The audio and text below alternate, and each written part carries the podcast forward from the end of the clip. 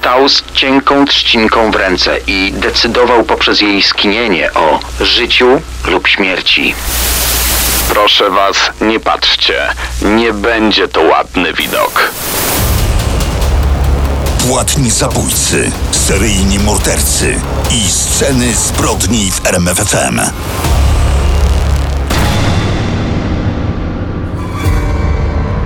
Nasi słuchacze zadają nam pytania, kiedy my nagrywamy ten podcast. No to powiem, że jest wieczór.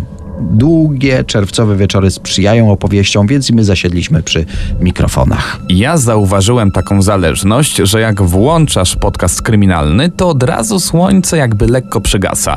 Teraz na przykład możecie to przetestować, jakby lekko tak przyciemniało, prawda? Jakby nawet zachodziło, tak, ale proponuję nie testować tego w samo południe. I absolutnie nie róbcie tego też na plaży, gdy chcecie się opalić. Ludzie wam tego nie wybaczą. No to upewniamy się, że nie jesteśmy na plaży, nie opalamy się, nie jest 12 w południe i wtedy można włączyć kolejny 120 podcast scen zbrodni Doktor Śmierć. Daniel Dyk i Kamil Barnowski prezentują Sceny zbrodni w RMFFM. Będziemy snuli dzisiaj mroczne opowieści, niezwykle ciekawe opowieści. Niestety dotyczyć będą najokrutniejszych lekarzy w dziejach. Ich zbrodnie są o tyle bardziej wstrząsające, przerażające, że przecież to zawód, który cieszy się takim zaufaniem. Mieli leczyć i wyrywać śmierci, a zamiast tego wiele osób wpędzili w jej objęcia. Przerażająco wiele. Opowiemy dzisiaj o największej bestii wśród lekarzy, dr Mengele, znany w nazistowskim obozie Auschwitz-Birkenau jako anioł śmierci.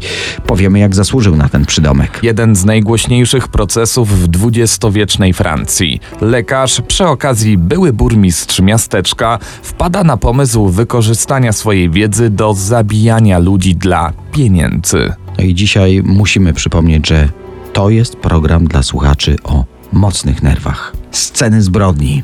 Czas na historię jednego z najbardziej znanych lekarzy świata. I tak jak jego nazwisko jest znane, tak jest powszechnie nienawidzone. Jego nazwisko jest symbolem okrucieństw, nielegalnych badań, nieludzkich eksperymentów, bestialskiego cierpienia i przede wszystkim jest symbolem śmierci. Józef Mengele przeszedł na świat w 1911 roku. Malownicza Bawaria, miasto Gunzburg, dziś dwudziestotysięczne miasteczko. Był pierworodnym synem w szanowanej niemieckiej rodzinie. Jego tato założył przedsiębiorstwo Karl Mengele Unzone, które produkowało maszyny rolnicze. No i jak nazwa wskazuje, była to rodzinna firma stworzona z myślą o przekazaniu doświadczenia i biznesu synom, bo oprócz Józefa, Karl i Walburga Mengele mieli jeszcze dwóch chłopaków. Jak to w przypadku tego najstarszego bywa, rodzina pokłada w nim największe nadzieje. I rzeczywiście, Józef okazał się inteligentnym dzieckiem. Miał szczególne uzdolnienia na polu biologii, zoologii, a także fizyki i antropologii. Interesowało go, o ironio, życie. To, co nim kieruje, co na nie wpływa. Sam, jak można przeczytać w jego biografiach, kilka razy omal tego życia nie stracił. Gdy miał lat sześć, był wszędobylskim chłopcem, wszędzie go było pełno, a swojej ciekawości omal nie przypłacił życiem. Wpadł do beczki z deszczówką, odratowano go w ostatniej chwili. Nie oszczędzały go też choroby. Jako dziecko dostał ciężkiego zatrucia krwi. Gdy miał 15 lat, zdiagnozowano u niego zapalenie szpiku kostnego. Ciężki przebieg i długie tygodnie powrotu do zdrowia, ale wygrał ze śmiercią. Maturę zdał w roku 1930 i zdecydował się studiować stomatologię, ale ostatecznie dostał się na Wydział Filozofii i Medycyny Uniwersytetu Monachijskiego. I pamiętamy z lekcji historii, że Monachium stało się jednym z głównych ośrodków nazizmu. Nowa doktryna ciągnęła także tego młodego studenta. Zapisał się do młodzieżówki Stolhelmu. To jest nazistowska organizacja, która skupiała żołnierzy po I wojnie światowej. No, nie mogli pogodzić się z porażką Rzeszy i pragnęli przywrócenia jej potęgi i tak zwanego starego porządku. Trzy lata później szef organizacji Stalowy Hełm wstąpił do partii nazistowskiej, a swoją organizację oddał pod dowództwo Adolfa Hitlera. I to właśnie w 1933 roku NSDAP zaczęło sprawować w Niemczech władzę totalitarną. Sam Józef Mengele wstąpił do NSDAP w roku 1937 i stał się jej gorliwym członkiem. Ale zostańmy przy Mengele kształcącym się na lekarza.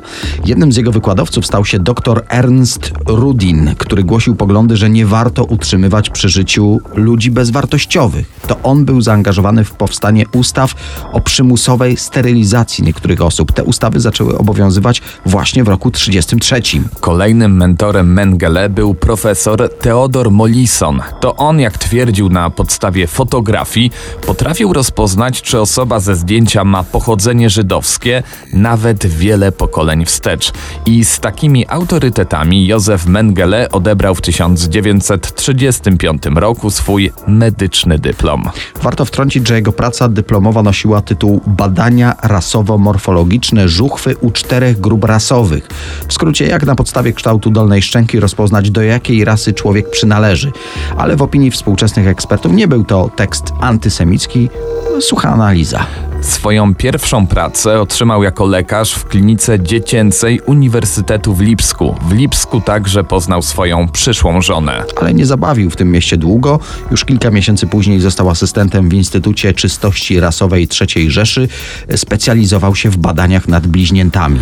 W roku 1938 Józef Mengele otrzymał tytuł doktora nauk medycznych. Przyjęto go także do SS, ale tuż przed wojną wpadł w kłopoty.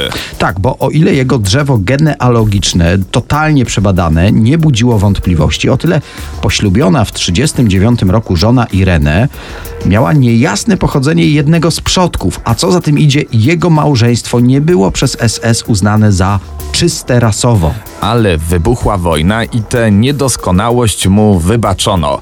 Józef Mengele miał talent, który miał bardzo przydać się nazistom i niestety oznaczał cierpienie dla tysięcy ludzi. O tym za moment w scenach zbrodni. Józef Mengele po wybuchu II wojny światowej trafił do wojska jako oficer medyczny. Tu wtrącimy, że w SS panował zwyczaj, że niemal wszyscy członkowie tej organizacji tatuowali sobie po wewnętrznej stronie lewego ramienia, tak 20 cm nad łokciem, oznaczenie grupy krwi na wypadek koniecznej transfuzji. Ale Józef Mengele był jednym z niewielu, który się na to nie zgodził. Jego żona wyznała, że miał zwyczaj stawać nago przed lustrem i podziwiać swoje własne ciało.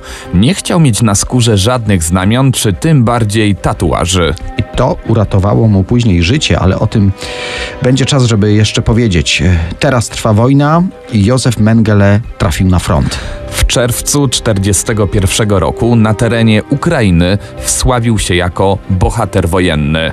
Gdy pocisk trafił w czołg, jako medyk pomógł ratować jego załogę. Niemal rok później znów płonący czołg i znów wyciągnął z niego załogę. Otrzymał za te obie bohaterskie akcje ordery i kolejne awanse. Właśnie takim awansem było wysłanie Józefa Mengele w maju 1943 roku do stworzonego przez nazistów obozu koncentracyjnego w Oświęcimiu Brzezińce. Te ordery za odwagę i doświadczenie na froncie sprawiły, że gdy trafił do załogi Auschwitz, stał się tam najbardziej szanowanym wśród lekarzy. Oczywiście mówimy z punktu widzenia hitlerowców, z punktu widzenia więźniów stał się tym najbardziej znienawidzonym. Otrzymał przydział jako lekarz kobiecego obozu w Birkenau. Jeden z jego pierwszych rozkazów już dwa dni po przybyciu do obozu to wysłanie do komór gazowych ponad tysiąca osób. W barakach, w których trzymano więźniów romskich, z powodu fatalnych warunków sanitarnych rozprzestrzeniał się tyfus. Mengele uznał, że Romów nie warto leczyć, a żeby zapobiec rozprzestrzenianiu się zarazy, najlepiej zabić wszystkich. 1024 osoby. Później uczestniczył głównie w selekcji zwożonych do Auschwitz z całej Europy Żydów. Oceniał, czy przydadzą się do pracy, czy nie. Stał ze swoją cienką trzciną w ręce i decydował poprzez jej skinienie o życiu lub śmierci. Do komór wysyłał praktycznie wszystkich starców, Wszystkich wyglądających na chorych, niedołężnych, kalekich, a co najgorsze, o ile oczywiście wartość życia ludzkiego można w jakiś sposób pozycjonować, wysyłał na śmierć wszystkie dzieci i wszystkie ciężarne kobiety. Udowodniono, że wziął udział w co najmniej 74 tak zwanych selekcjach na rampie, na której rozładowywano pociągi z więźniami. Do tego doliczyć trzeba co najmniej 31 selekcji pacjentów obozowego szpitala. Ten szpital wizytował ubrany w nienagannie biały fartuch i białe rękawiczki. Zamiast leczyć chorych, pobitych, osłabionych, głodnych więźniów, wskazywał wtedy na tych, których należy rozstrzelać, tych, którym należy dać zastrzyk z trucizny lub tych, których wysyła się po prostu do komory gazowej. To właśnie przez ten śnieżno-biały fartuch, który tak kontrastował z wszechobecnym cierpieniem, okrucieństwem i zezwierzęceniem, zaczęto nazywać go aniołem śmierci. W końcu odkrył w sobie pasję do eksperymentów. Chciał pomóc nazistom poprzez odkrycie sposobu, by rodziły się dzieci czyste rasowo, o konkretnych cechach, no i szukał sposobu, by powodować ciąże bliźniacze i mnogie i w ten sposób zwiększać liczebność rasy panów. Jego eksperymenty nie miały jednak podstaw medycznych. Były okrutnymi torturami szalonego lekarza. Początkowo wysyłał wszystkie dzieci do komór, z czasem zaczął oszczędzać bliźnięta żydowskie i romskie z przeznaczeniem do jego okrutnych celów. A jak wyglądały te eksperymenty, o tym za moment w scenach zbrodni. Wracamy na rampę kolejową w obozie Auschwitz-Birkenau, gdzie dr Józef Mengele wysyłał ludzi na śmierć i wybierał obiekty do swoich eksperymentów, czyli, czyli dzieci, bliźnięta. Wydawało się, że dzieci te miały szczęście, unikały natychmiastowej śmierci i trafiały do baraku, w którym panowały relatywnie łagodne warunki, normalne racje żywnościowe, nie było przymusu pracy. Ale pamiętamy, że dzieci miały służyć do eksperymentów medycznych, a właściwie pseudomedycznych. Mengele bestialsko sprawdzał, jak bardzo bliźnięta są do siebie podobne. Rozkazywał zabić równocześnie oboje dzieci i przeprowadzał sekcję zwłok, by przekonać się, czy mają takie same organy wewnętrzne. Próbował także zmienić kolor oczu dzieci, wstrzykując im różne chemiczne substancje.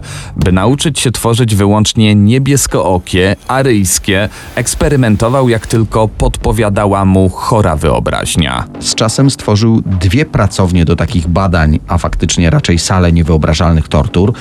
Za jednym z krematoriów zbudowano mu osobną pracownię do sekcji zwłok. Eksperymenty zaczynał zawsze od dokładnych pomiarów czaszek pacjentów. Notował rozmiar uszu, nosów, długość kończyn. Potem dzieci trafiały do jego pracowni i tu bez znieczulenia amputowano im różne części ciała do badań. Tu także zakażano ich rany, tu wstrzykiwano im bakterie przenoszące różne choroby. Pobierano na przykład szpik z kręgosłupa, co jest wyjątkowo bolesne. Podkreślamy żadnych środków przeciwbólowych. Częstym eksperymentem była wymiana całej krwi jednego z bliźniąt i przetaczanie mu krwi drugiego, by sprawdzić, czy dziecko przeżyje i będzie funkcjonowało jak dawniej. Dzieci umierały w potwornych męczarniach. Testom poddał 1500 bliźniąt, przeżyło zaledwie 100. Doktor Mengele rozszerzył zakres zainteresowań. Badał osobliwości takie jak karłowatość, kalectwa, wady wrodzone, a pociągi przywoziły mu tysiące nowych obiektów do badań. Te sadystyczne eksperymenty miały mu posłużyć do napisania pracy habilitacyjnej. Chciał na cierpieniu dzieci zyskać tytuł profesorski. Nie zdążył ukończyć swojej pracy, bo do obozu zbliżała się armia radziecka. Dokumentację więc spakował i uciekł. Dziesięć dni później Auschwitz zostało wyzwolone. Sam Józef Mengele zmienił mundur oficera SS na mundur zwykłego żołnierza. W nim został złapany. Mówiliśmy, że członkowie tego znienawidzonego SS tatuowali sobie grupę krwi na lewej ręce. Józef Mengele nie miał takiego tatuażu, więc go nie aresztowano. Trafił do zwykłego obozu jenieckiego. Później zmienił nazwisko i ukrywał się w Europie przez cztery lata po wojnie. W 1949 roku z fałszywym włoskim paszportem udało mu się uciec do Argentyny. Do Ameryki Południowej trafiło wielu nazistowskich zbrodniarzy wojennych, więc tu ich szukały służby wywiadu Izraela. Mossadowi w końcu udało się namierzyć Mengele, ale znów uciekł w 59, tym razem do Paragwaju, a rok później do Brazylii i tu żył spokojnie przez kolejnych 19 lat. Jest 7 lutego 1979 roku. 68-letni Wolfgang Gerhardt poszedł kąpać się jak zwykle w oceanie. Plaża niedaleko Santosu, jego ulubione miejsce. Wszedł do wody i prawdopodobnie doznał udaru mózgu. Po prostu się utopił. W 1992 roku, gdy można już było stosować badania DNA do identyfikacji, przeprowadzono ekshumację zwłok Wolfganga Gerharda. Tak jak podejrzewano, badania DNA potwierdziły ponad wszelką wątpliwość, że szczątki złożone w grobie to tak naprawdę Józef Mengele, bestia z Auschwitz, anioł śmierci. Sceny zbrodni w RMFFM. Wejdź do mrocznego świata przestępców. Tę historię rozpoczniemy we Francji. Jesteśmy dokładnie w Paryżu. Mieszkańcy skarżą się na bardzo nieprzyjemny zapach i kłęby ciemnego, gęstego dymu wychodzącego z komina posiadłości przy Rue Lucière 21. 11 marca 1944 roku sąsiedzi zawiadamiają policję i straż pożarną. W mieszkaniu nie było nikogo, dlatego strażacy wybili okno, aby wejść do środka. W domu głośno huczał piec, wszędzie był dym. Strażacy schodzą więc do piwnicy, aby ugasić ogień. To, co dostrzegają, wprawia wszystkich w osłupienie.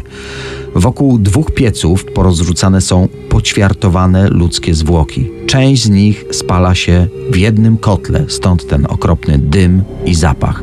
Właśnie tak rozpoczyna się jedna z najgłośniejszych spraw kryminalnych XX wieku we Francji. Posiadłość przy Rue Lucière 21 należy do Marcela Petiot, znanego lekarza z burzliwą przeszłością.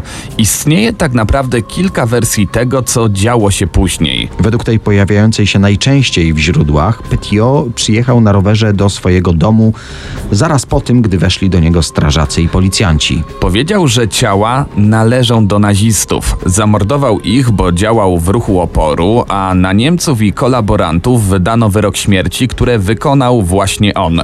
Stwierdził, że musi teraz ukryć dokumenty należące do organizacji podziemnych, że od tego zależy życie wielu osób.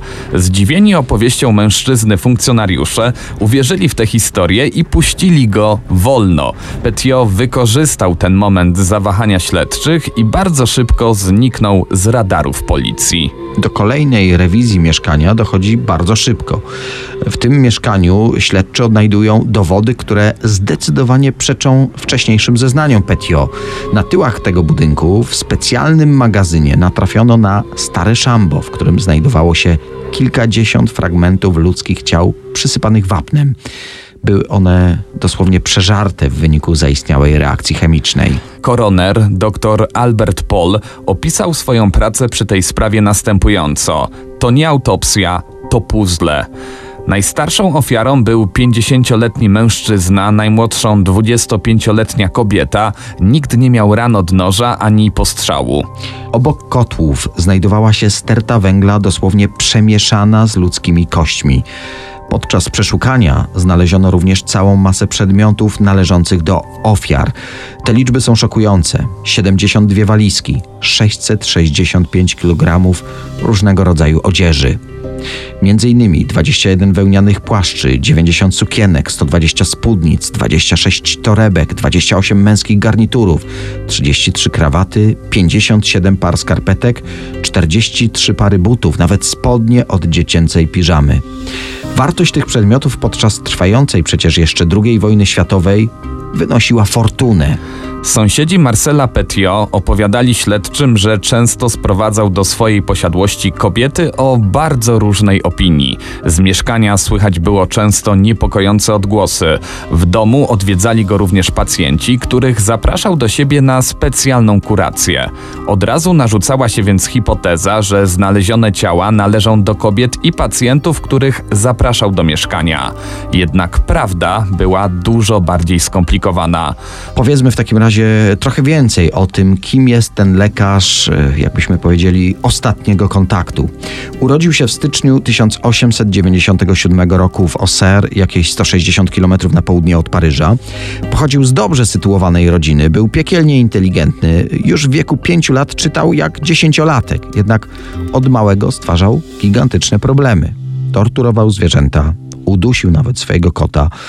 Do szkoły przynosił roznegliżowane zdjęcia kobiet. Gdy miał 11 lat, ukradł tacie rewolwer, z którego strzelił w sufit w czasie lekcji historii.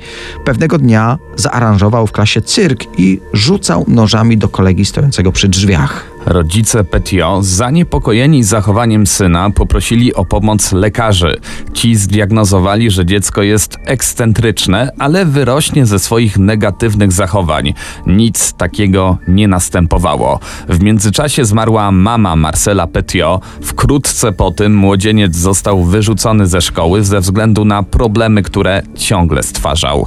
Gdy ma 17 lat, rozpoczyna się jego kryminalna kariera. Zajmuje się drobnymi kradzieżami. Dokładnie włamywał się do skrzynek pocztowych, wyciągał z nich cudzą korespondencję. Co ciekawe, nie robił tego, żeby się wzbogacić, ale by czytać cudze wiadomości. Nie został jednak skazany za swoje przestępstwa, ponieważ sąd stwierdził, że mężczyzna jest chory psychicznie.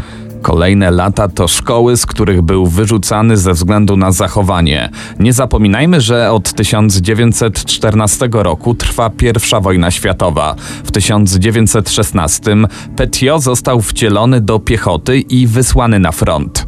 Po sześciu miesiącach na polu bitwy został ranny. Ujawniła się również jego choroba psychiczna. Dokładnie jak to zdiagnozowano wtedy: neurastenia, depresja, melancholia, liczne obsesje i fobie. Jednak ponownie trafił na front w 1918 roku. Finalnie po kolejnym załamaniu nerwowym i próbach samobójczych porzucił mundur i uzyskał rentę inwalidzką. Marcelowi Petiot jako weteranowi przysługiwał specjalny, ułatwiony tryb edukacji. Jako piekielnie inteligentny, o czym wspominaliśmy, wybrał, no właśnie, medycynę. Kurs ukończył w 8 miesięcy, następnie dwuletni staż i tak w 1921 roku uzyskał dyplom lekarza. Osoba chora psychicznie miała leczyć ludzi. No możecie sobie już wyobrazić, do czego to doprowadziło. 25-letni lekarz medycyny przeprowadził się do miejscowości Villeneuve-sur-Yenne, a tam pacjenci chwalili swojego doktora. Był niezwykle profesjonalny, a od biednych nie brał pieniędzy. W rzeczywistości przepisywał uzależniające substancje narkotyczne, a pacjentów, którzy nie płacili, wpisywał na specjalne państwowe listy refundacyjne, dzięki czemu finalnie dostawał swoje pieniądze. Lekarz ludu, jak był powszechnie nazywany, stanął nawet do wyborów na burmistrza, które oczywiście wygrał. Był skutecznym politykiem, e, widać było nowe inwestycje w mieście, ale Petiot nie mógł się oprzeć malwersacjom finansowym. Po kilku latach, właśnie przez oszustwa, został zawieszony przed końcem kadencji burmistrza. Mężczyzna razem ze swoją rodziną postanowił wtedy wyjechać do Paryża. To właśnie tutaj wpadł na diaboliczny pomysł, który doprowadził do śmierci kilkudziesięciu osób. No i przenosimy się do stycznia 1933 roku. Marcel Petiot razem z żoną i dzieckiem zawitał do Paryża. Tutaj przy Rue Carmertin 66 otworzył swój gabinet lekarski, chwalił się fałszywymi referencjami, przez co szybko zyskał bardzo wielu pacjentów i wzorową reputację ale jednocześnie krążyły plotki, że uzależnionym przepisywał narkotyki pod pozorem terapii, przeprowadzał nielegalne aborcje, uzyskał również uprawnienia do wypisywania aktów zgonu. Oczywiście wykorzystywał to do swoich celów. Jego życie w Paryżu było pełne przekrętów i tymczasowych aresztowań. Tak w tej skomplikowanej historii nastał rok 39. We wrześniu, jak pamiętamy, rozpoczęła się II wojna światowa, a z biegiem czasu Francja była okupowana przez nazistowskie Niemcy. Represje groziły wielu mieszkańcom Paryża, dlatego wiele osób chciało z Europy wyjechać do spokojniejszych miejsc, a to dawało nowe możliwości przestępstw. Początkowo Petiot wypisywał fałszywe zwolnienia lekarskie, dzięki którym można było się uwolnić od przymusowych robót w Niemczech. Jednak nie na tym zarabiał najwięcej. Razem ze swoimi bliskimi wpadł na pomysł stworzenia siatki przemytniczej, która będzie pomagać w ucieczce z Francji do Ameryki Południowej, głównie Argentyny. Cena za taką usługę 25 tysięcy franków od osoby. Pierwszym etapem podróży była wizyta we wspomnianej już przez nas na początku tej historii posiadłości przy Rulusia 21. To tutaj z całym swoim dobytkiem przychodzili głównie Żydzi, bandyci, sutenerzy gotowi na podróż do Argentyny. Uciekinierzy musieli jeszcze przejść obowiązkowe szczepienia niezbędne do przeżycia w innym klimacie i na obcym kontynencie. Jak możecie się domyślić, w strzykawce nie było żadnego lekarstwa, szczepionki, była trucizna, dokładnie cyjanek potasu. Następnie Petio razem ze swoją grupą pozbywał się ciał. Początkowo wyrzucał je do rzeki Sekwana. Później, aby uniknąć wpadki, podczas transportu zwłok poćwiartowane ciała przeżarte wapnem palił w piecu na swojej posiadłości. Ten makabryczny interes kręcił się dalej, bo uciekinierzy rzeczywiście znikali, a Petio pokazywał ten fakt jako skuteczność swojej siatki przemytniczej. Na tej zbrodniczej działalności Petio dorobił się prawdziwej fortuny. Wystarczy dodać, że pierwsza jego ofiara, żydowski kuśnierz, miał ze sobą równowartość 300 tysięcy euro w diamentach, a nie wliczamy do tego złota, srebra i gotówki. Po odkryciu ludzkich szczątków w posiadłości Petio, które zostały znalezione przez cuchnący dym, morderca zapadł się pod ziemię. Podczas wojennej zawieruchy próbowano ustalić, czy Petio był rzeczywiście egzekutorem działającym we francuskim ruchu oporu. Szybko okazało się, że jest to tylko kolejny wymysł fantazji diabolicznego lekarza. W międzyczasie zmienił on tożsamość, zapuścił brodę i ukrywał się u swoich oddanych pacjentów. Tym razem faktycznie wstąpił do ruchu oporu i uwaga, jako kapitan Henri Valéry dostał za zadanie schwytanie Marcela Petiot, czyli samego siebie. Finalnie, po siedmiu miesiącach ukrywania się, został złapany dzięki artykułowi w paryskiej gazecie, który w mniemaniu Petiot obrażał go, a była to faktycznie prowokacja, która miała sprawdzić, czy jest on w mieście. Rzeczywiście był, napisał nawet pełen oburzenia list do swojego pełnomocnika. Niedługo później został aresztowany na stacji metra. Doktor Szatan, jak nazywała go prasa, przyznał się do morderstw 60 osób, ale przekonywał, że byli to agenci gestapo, a nie oszukani obywatele. Uważał się za bohatera i patriotę. Sąd oskarżył go o zabójstwo przynajmniej 27 osób i przywłaszczenie mienia o wartości 200 milionów franków. Ostatecznie został skazany na karę śmierci przy użyciu gilotyny. Marcel Petiot do końca był niewzruszony losem swoich ofiar. 25 maja 1946 roku, chwilę przed egzekucją, powiedział do zgromadzonej publiczności: Proszę was, nie patrzcie, nie będzie to ładny widok. Sceny zbrodni w RMFFM.